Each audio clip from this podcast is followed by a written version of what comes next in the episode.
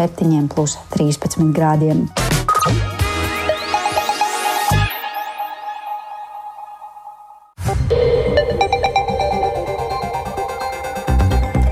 12,5 minūtes skanējumu sāk 4. 27. aprīļa raidījums pusdiena, plašāk skaidrojot šodien būtiskus notikumus.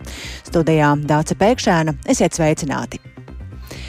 Ekonomikas izaugsme un inflācijas sabremzēšanās. Tas ir tas, kas Latviju sagaida turpmākajos trīs gados. Tā vismaz prognozē Finanšu ministrija Latvijas stabilitātes programmā turpmākajiem trim gadiem. Problēmas ekonomikas attīstībā var padziļināt augstā nenoteiktība starptautiskajā arēnā un fiskālā spriedze veselības sektorā Latvijā. Tas izskan saimas šīs dienas sēdē, kurā šo stabilitātes programmu tad arī apspriež un tam līdzi seko kolēģis Jānis Kīncis, kurš šobrīd ir pievienojies tiešraidēs. Sveiks, Jāni! Sveika, Tats! Sveicināti radio klausītāji! Latvijas stabilitātes programma šodien apspriežamā ir apjomīgs dokuments, kas ir daļa no valsts budžeta izstrādes procesa. Un Finanšu ministrija to sagatavo kā ceļakarti par attīstības tendencēm valsts ekonomikā turpmākajiem gadiem. Un, uh, Programmas dokumentā ir jaunākās makroekonomikas prognozes, ko izmantos nākamo gadu budžeta sagatavošanā.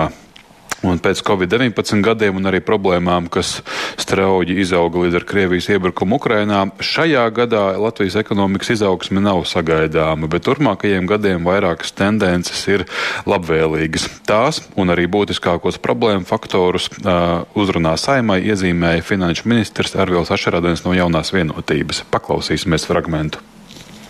Latvijas publiskās finanses ir stabilas un ilgspējīgas. Tiek prognozēts, ka ekonomiskā izaugsme Latvijā atjaunojas 2024. gadā un stabilizējas nākamajos gados 2,5 līdz 3% līmenī. Budžeta deficīts turpina samazināties no 7% no IKP 2021. gadā uz 2,5% 2024. gadā.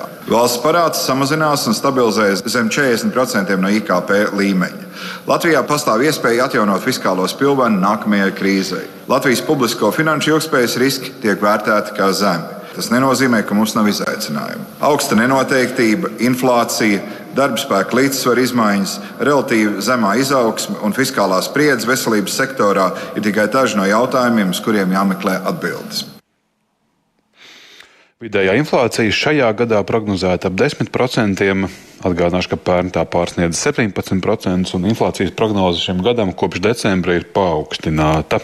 To noteica arī augstāki gada beigās fiksētie siltumenerģijas un elektroenerģijas tarifi un gāzes tarifi, un pagājušā gada straujās inflācijas pēcefekti. Savukārt nākamajā gadā, 20, 2024. gadā, inflācijai jāturpina pazemināties cenu pieaugumam, stabilizējoties apmēram 2,5% punktu līmenī. Fiskālā Fiskālās disciplīnas padomas vadītāja Inna Steinbuka iepriekš vērtēja, ka ekonomikas izaugsmi varētu veicināt ar veiksmīgu Eiropas fondu sniegto līdzekļu izmantošanu dažādos projektos, taču vienlaikus būtu jāveicina arī privātās investīcijas un to ienākšanu Latvijā. Uz investīciju pieauguma problēmām uzmanību debatēs šodien saimā vērsa arī deputāts Andris Švājevs no progresīvo frakcijas. Paklausīsimies arī viņa teikto. Nu, ja mēs skatāmies vismaz uz apstrādes rūpniecību, uzņēmēji plāno atvēlēt 29% investīcijām, kas attiecīgi varētu veicināt produktivitāti. Un balstoties uz šiem datiem, ir jāsacina, ka būtiska apstrādes rūpniecības nozares attīstība nav pamats šogad gaidīt.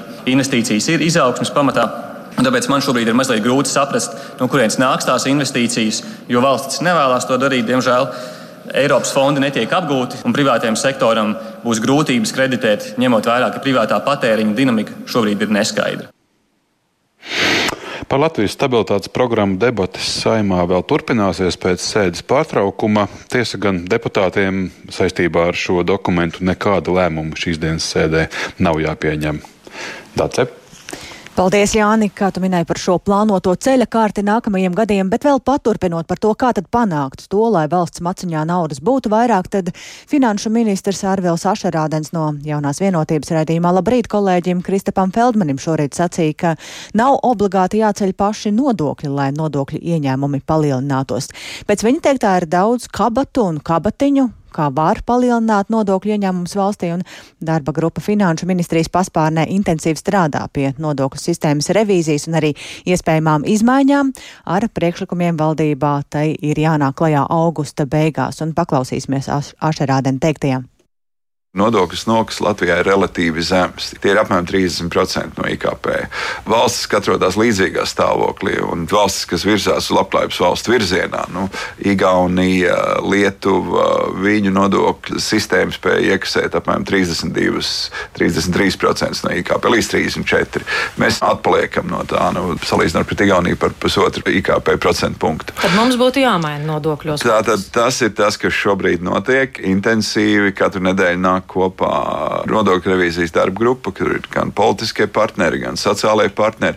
Notiek intensīvas diskusijas, kā šo jautājumu atrisināt. Kad sabiedrībai varēs būt kaut kas jau redzams no šīm sarunām? Tātad mums ir uzdevums augusta beigās nākt valdībā ar ziņojumu, tad es varēšu precīzāk iedot detaļas, bet viens ir skaidrs, ka mums šī sistēma ir jāmaina par labu tam, lai mēs varētu nofinansēt deficītu. Nu, mums tur jāsaprot viena lieta, ir valstī kopumā, mēs skatāmies, kā ir izmainījusies finanšu ministrijas rēķins teiksim tā. Drošības izmaksas ir pieaugušas pamatīgi. Ja mēs esam augšā pie 3%, kas ir viens no lielākajiem Eiropas Savienībā, arī tagad pieaug iekšējās drošības rēķins. Mēs mācoties no situācijas Ukrajinā, pārstrukturējam ļoti daudz sistēmas. Nu, lūk, un palikuši divas lietas - izglītība un veselības aprūpe. Nu, veselības aprūpe ir pilnīgi skaidrs, ka mēs nedodam pietiekamu finansējumu. No tā sistēma ir jāmaina, mums jāatrod veids, kā mēs to darām. Par nodokļiem mēs varētu skatīties vairāk celšanas virzienā vai tādas gudras pārskatīšanas. Es nesteigtos apgalvot, ka mums obligāti ir jāceļ nodokļi. Skatīsimies, kā mēs to darām. Ir diezgan daudz jāpamaina. Mums ir ļoti daudz atlaižu, vis visādu atvieglojumi, tādu un vienādu un otrādi. Es domāju, ka ir daudz kabatiņu un kabatu. Tā kā es šī brīdī teikšu, ka mēs palielināsim šo sistēmu. Vēl, protams, arī ir ēna ekonomika. Ja mēs esam dažādi rēķināši, ir profesori, kas rēķina, kalkulē kopējo skaitli. Nu, mēs izgājām cauri ļoti praktiski ar finanšu asociāciju. Tātad mums ir cipari, ko iedzīvotāji iedzīvotāji iemaksā bankomātos, to mēs redzam. Tāpat tās valsts ieņēmuma dienas rēķina tā saucamā nodokļu plājas. Nu, mēs redzam, ka apmēram mēneša ekonomikā viens miljards eiro klejo. Nu, tā ir nauda, ko mēs varētu iegūt. Ja tā būtu nu, tātad ne visa, bet, teiksim, ja, ja mēs reiķinātu nodokļus pret to, jā, tad tas un, būtu. Pavisam īsi vēl noslēgumā izdevās atrast naudu pedagogiem, no kā tas ir paņemts. Tas pēdējais piešķīrums bija līdzekļiem neparedzētiem gadījumiem. Nu, Ziniet, kā valsts pārvaldē vienmēr ir no 14,7 miljardiem ir zināmas rezerves. Kā, mēs būsim iedevuši, mēs tūlīt arī pēdējās rezerves atdosim veselības aprūpei. Man liekas, būs piešķīrums 11 miljoni. Mēs plānojam. Tālāk nākamais ir tūlītās māja otrā pusē. Jau premjerministrs ir devis uzdevumu visām ministrijām pārskatīt iekšējos izdevumus, lai nodrošinātu veselības aprūpes budžetu. Un es sākšu māja beigās sarunas ar ministrijām par to, kā mēs pārgrupēsim izmaksas no pāriem ministriju kontiem, lai varētu nosakt nosakt šo rēķinu. Tik tālu finanšu ministrs Ārvils Ašerādens. Bet mēs turpinām sekot līdzi arī notiekošajiem Ukrainā. Krievijas raķešu uzbrukumu šonakt ir piedzīvojusi Mikolājevas pilsēta Ukrainas dienvidos. Vismaz viens cilvēks ir nogalināts, bet 23 ievainoti. Tikmēr Ukrainas armija turpina gatavoties gaidāmajam pretuzbrukumam. Lielākā daļa no tam vajadzīgā bruņojuma esot jau saņemta un par jaunāko Ukrainā, kur karš turpinās jau 428. dienu vairāk Ulu Česberi ierakstā. Ugunsdzēsēji Mikolaivā šonakt vairākas stundas likvidēja liesmas, kas izcēlās daudzstāvu dzīvojamā ēkā pēc tam, kad tai trāpīja Krievijas raķete. Vēl viena raķete trāpīja kādai privātmājai. Ukrainas prezidents Volodimirs Zelenskis paziņoja, ka uz Mikolaivu ir raidītas kopumā četras spārnotās raķetes Kaļibr, kuras izšāva no Krievijas karakuģiem Melnajā jūrā. Vakar pirmo reizi kopš Krievijas pilna apmēra iebrukuma Ukrainā notika telefona saruna starp Zelenski un Ķīnas prezidentu Sīdziņpinu. Sarunas laikā Ķīnas līderis kārtējo reizi paziņoja, ka Pekina iestājas par mieru un darīšot visu, lai karu Ukrainā izbeigtu sarunu ceļā. Zelenskis savā ikvakara video uzrunā sacīja, sacīja, ka viņa sarunā ar Sīdziņpinu paver jaunas iespējas ne tikai abu valstu attiecībās. Є можливість застосувати політичний вплив Китаю, щоб повернути Pastāv iespēja izmantot Ķīnas politisko ietekmi, lai atjaunotu to principu un noteikumu spēku, kuros jābalsta miers. Ukraina un Ķīna, kā arī lielākā daļa pasaules, ir vienādi ieinteresētas valstu suverenitātē un teritoriālajā nedalāmībā. Protams, būtiska sarunas sastāvdaļa bija mūsu uzskati par veidiem, kā atjaunot taisnīgu mieru. Es iepazīstināju ar Ukrainas miera formulu, ar tās konkrētajiem punktiem. Mēs vienojāmies turpināt sazināties komunikācija. Tikmēr Ukrainas bruņotie spēki turpina gatavošanos lielajam pretuzbrukumam, kura mērķis ir atgūt Krievijas okupētās teritorijas. NATO Eiropas spēku virspavēlnieks ASV armijas ģenerālis Kristofers Kavoli paziņojis, ka Rietumvalstis Ukrainai ir piegādājušas gandrīz visu solīto bruņu tehniku, ieročus un munīciju, kas ir nepieciešama ofensīvas uzsākšanai. We sat down with our Ukrainian colleagues and we calculated Mēs kopā ar saviem Ukrainas kolēģiem aprēķinājām ieroču daudzumu, kas viņiem būtu nepieciešams šai ofensīvai. Mēs tos ieguvām no mūsu sabiedrotajiem, kura bija ļoti dāsni, jo īpaši attiecībā uz tankiem un kājnieku kaujas mašīnām. Līdz šim mēs uz Ukrainu esam nosūtījuši jau vairāk nekā 98% kaujas transporta līdzekļu. Es neatklāšu sīkākas detaļas, bet ar pārliecību varu teikt, mēs esam piegādājuši Ukraiņiem nepieciešamo bruņojumu un turpināsim darbu, lai atbalstītu viņus arī turpmāk. Arī Krievija nopietni gatavojas gaidāmajam Ukrainas pretuzbrukumam. Ziņu aģentūra Reuters atsaucoties uz savā rīcībā iegūtiem satelīta attēliem secina, ka Krievijas karaspēks aktīvi būvē nocietinājumus un ierakumus Zaporīžas apgabala dienvidu austrumos, kā arī Hersonas apgabalā šaurā zemes pleķītī, kas savieno okupēto Krīmas pussalu ar kontinentālo Ukrainu. Bet Britu militārie izlūkdienesti ziņo, ka okupanti Zaporīžas atomelektrostacijā veido nocietinājumus, acīm redzot gatavojoties Ukrainas ofensīvai. Uldis Česberis, Latvijas radio.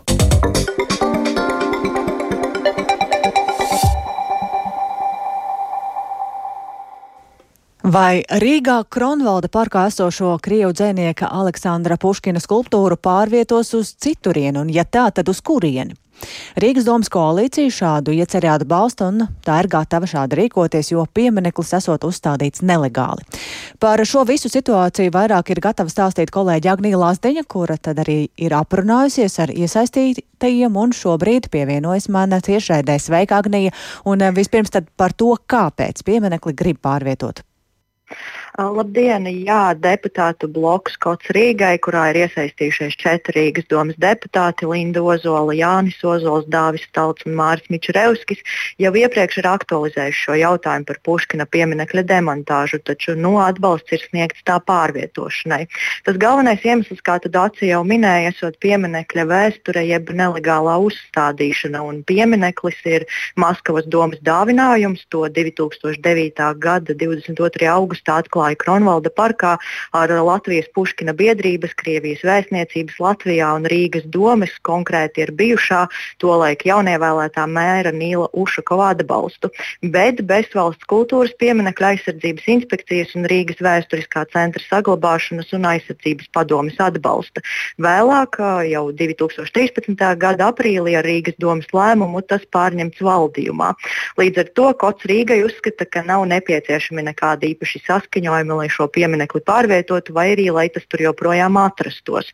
Kā stāsta Kots Rīgai bloka vadītājs vietnieks Jānis Ozols, pats Aleksandrs Puškins savā dzīves laikā arī nekad nav apmeklējis Rīgu vai izrādījis kādu interesi par to, kas attiecīgi arī ir vēl viens arguments, kāpēc piemineklim nevajadzētu parkā atrasties. Piemineklis pēc savas būtības un savas nozīmes ir instruments Krievijas maigās varas izplatīšanai. Tā ir valsts drošības un mūsu pašu prātu drošības jautājums. Otra lieta ir, šis piemineklis ir novietots konkrētajā vietā absolūti nelikumīgi. Tur nav tiesiskā pamata, kādēļ viņš tur atrodas. Pats galvenais ir tas, ka šobrīd, nu, šajā sācinājuma brīdī šādi objekti kļūst par nu, tādu sabiedrības čelsmēm pētām. Nu, nav liela atšķirība patiesībā starp okupekli un šo puškinekli. Nozīme un ietekme ir līdzīga, varbūt vienkārši vēl nav izveidojusies tradīcija.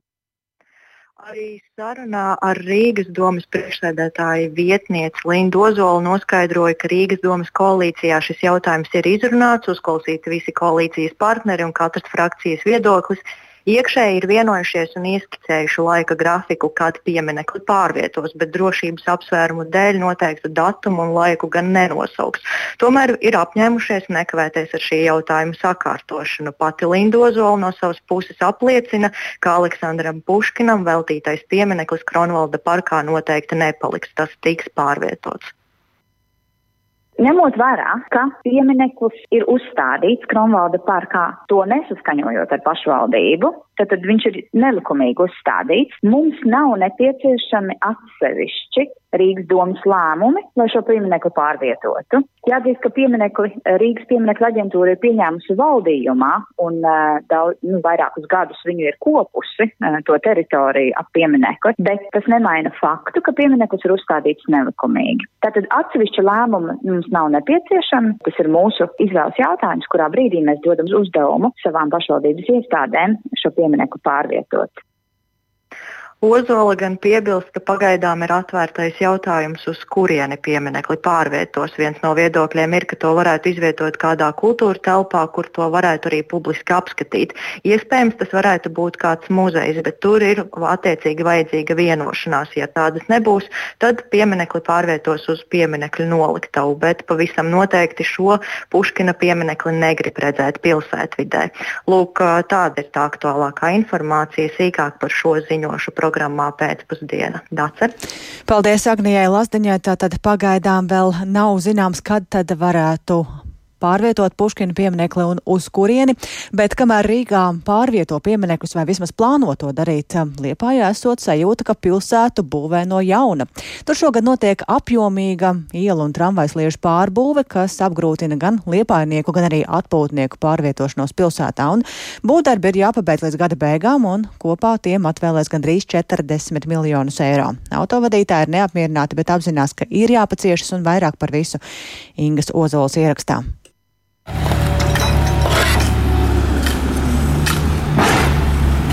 Pats pilsētas centrs kļuvis par uzartu būvlaukumu, kur izraktas dziļas bedres, jo tiek mainītas komunikācijas, kur gar tramvajas sliedēm bez apstājas strādā smagā tehnika un rodas sajūta, ka pilsēta būvē no jauna. Autovadītājs saprot, ka nekas cits neatliek, kā šobrīd mēģināt lavierēt un sekot ceļa zīmēm. Nu, izbraukt var, bet sarežģīti. Pietiekami daudz, bet ir saprotams, kāpēc tas tā ir. Ja saprotu, kāpēc, tad jau liekas, ka nu, labi, ka sataisīsim, būs jau labi. Kur viss sarežģītāk ir šobrīd izbraukt? Viss centrs. Centrā nekur nevar iebraukt. Ja nav liepā, aizvešana vēl grūtāk. Slikti, ka visi tā centra visa aizliegta. Varbūt kaut kāda būs viss kārtībā. Tik iespaidīgi ielu būvdarbi bijuši vēl 2007.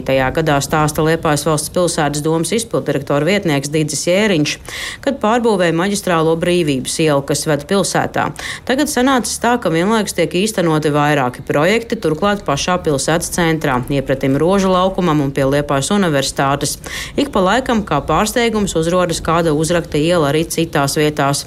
Drīzumā vēl tiks būvēts aplis pilsētai nozīmīgā vietā Kūrmājas prospektā, kur atrodas izēja uz jūru. Šos remonta darbus nevarēja veikt ne pagājušo gadu, ne arī varēs veikt nākošo gadu. Viņi tiešām mums ir jāizpilda šajā gadā. Tas ir saistīts ar plānošanas perioda beigām. Liepājas valsts pilsētas domas priekšsārētājs Gunārs Ansiņš no Liepājas partijas uzsver, ka sakārtojot infrastruktūru šodien varēs ietaupīt nākotnē, jo izmaksas var tikai sadārdzināties, turpina Ansiņš. Šodien mēs piedzīvojam lielākos Liepājas vēsturē atjaunošanas darbus tieši vēsturiskajā centrā.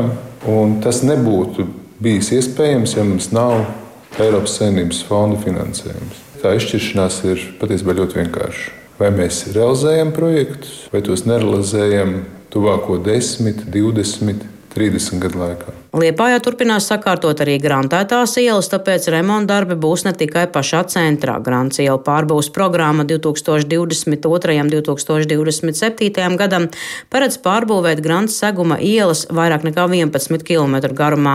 Programmā ir iekļauta 31 pilsētas iela. Tikmēr satiksmei atver tās ielas, kur ir ieraktas komunikācijas un ir vismaz grants segums. Nedaudz var uzelpot autovadītāju pie tramvaja tilta, kur notiek vērienīga kāļa zāles laukuma laukuma pārbūve.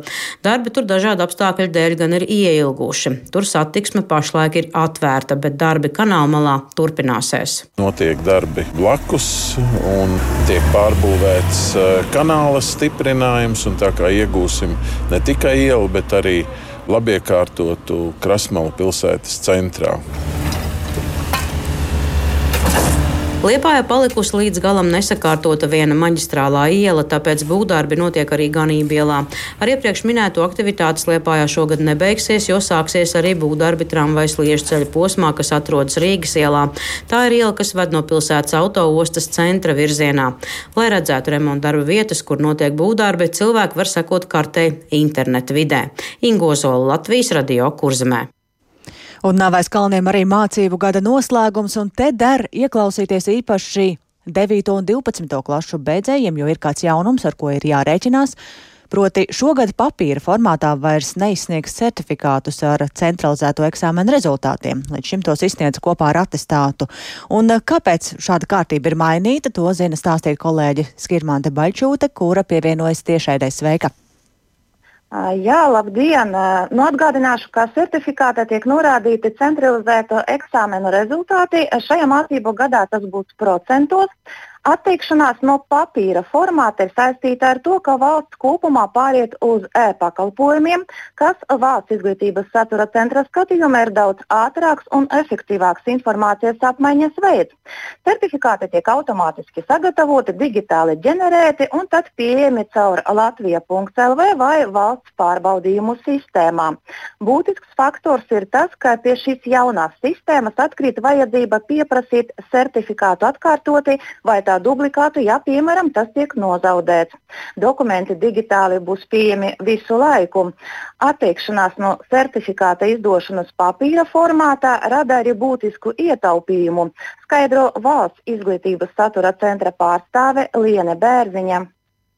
Šajā gadījumā mēs aptuveni runājam par 144 tūkstošiem certifikātu, jo katram eksāmenam savs certifikāts. Tas eh, šajā eh, mācību gadā ir tas daudzums darbu, kuri tiks vērtēti. Un tad eh, jā, jāsaprot, ko tas prasītu, piemēram, tādā finansiālā izteiksmē. Protams, nu, nenosauksim noteikti konkrētu skaitli, bet tas ir specializēts papīrs, tā ir holograma, tas ir milzīgs manuāls darbs tas ir transporta izdevumi arī izglītības iestādēm, kurām būtu jābrauc pakaļ šiem certifikātiem. Tā ir šķirošana, tas ir cilvēku resursu ietaupījums, tam apakš milzīga sistēma, kura attiecīgi šobrīd uh, tiek padarīta daudz jēgpilnāka un efektīvāka, uh, gatavojot šos elektroniskos certifikātus. Tomēr nepieciešamības gadījumā jauniešiem būs iespēja nopirkt certifikāta papīra versiju.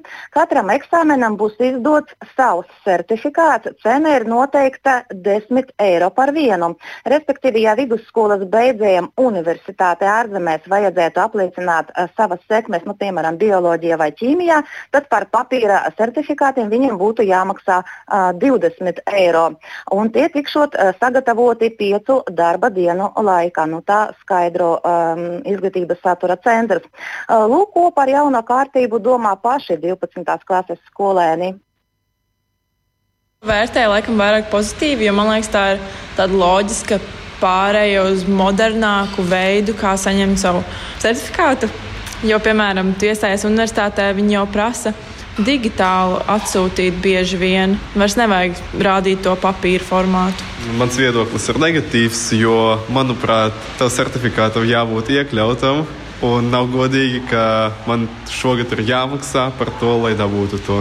Es uzskatu, ka no vienas puses tas ir izdevīgi tādā ziņā, ka viss ir pieejams digitāli, un tad, kad man jāsūta universitātēm, ir savs digitālais diploms, un vispār es visu ir gatavs digitāli, bet no otras puses man ļoti nepatīk tā doma, ka, ja es gribētu viņu tiešām dabūt papīra formātā un, nezinu, pielikt savu pie sienas vai kā tam līdzīgi, man būtu jāmaksā. Es uzskatu, ka jābūt tam, ka abi divi ir pieejami papīra formātā, un viņš jau ir automātiski digitāli. Man tas liekas ļoti, ļoti loģiski, ka man ir pieejams gan gan. Es vēl piebildīšu, ka par atestātiem uztraukties gan nevajag ne 9. klasu, ne 12. klasu beidzējiem. Tie tāpat kā agrāk tiks izdoti papīra formātā, un ar tiem varēs smuki gan skolēni, gan vecāki, gan visi radi nobildēties izlaiduma skolas pagalmā. Kolēģi? Bet tad es saprotu, ka augstskolās tomēr visur pietiek ar šo digitālo versiju, kas ir jāiesniedz, un papīra formātā tas ir vairāk sev. Uh, nē, dažas augstskolas ārzemēs, piemēram, varbūt arī būs vajadzīgs papīra formāts. Tas, tas ir atkarīgs no konkrētas augstskolas. Latvijā gan pietiek ar elektronisko formātu. Paldies kolēģei Skirmantai Baļķūtai par šo absolventiem svarīgo ziņu, un ar to arī izskan raidījums pusdiena. Producente Ilza Agīnta ierakstus montēja Kaspars Groskops par labskaņu rūpējās Mārtiņš Paeglis un ar jums sarunājās Dāce Pēkšēna. Mūsu ziņas un raidījumi arī raidierakstu platformās un mūsu Latvijas radio mobilajā lietotnē. Mēs ēterā tiekamies atkal rīt. Yeah.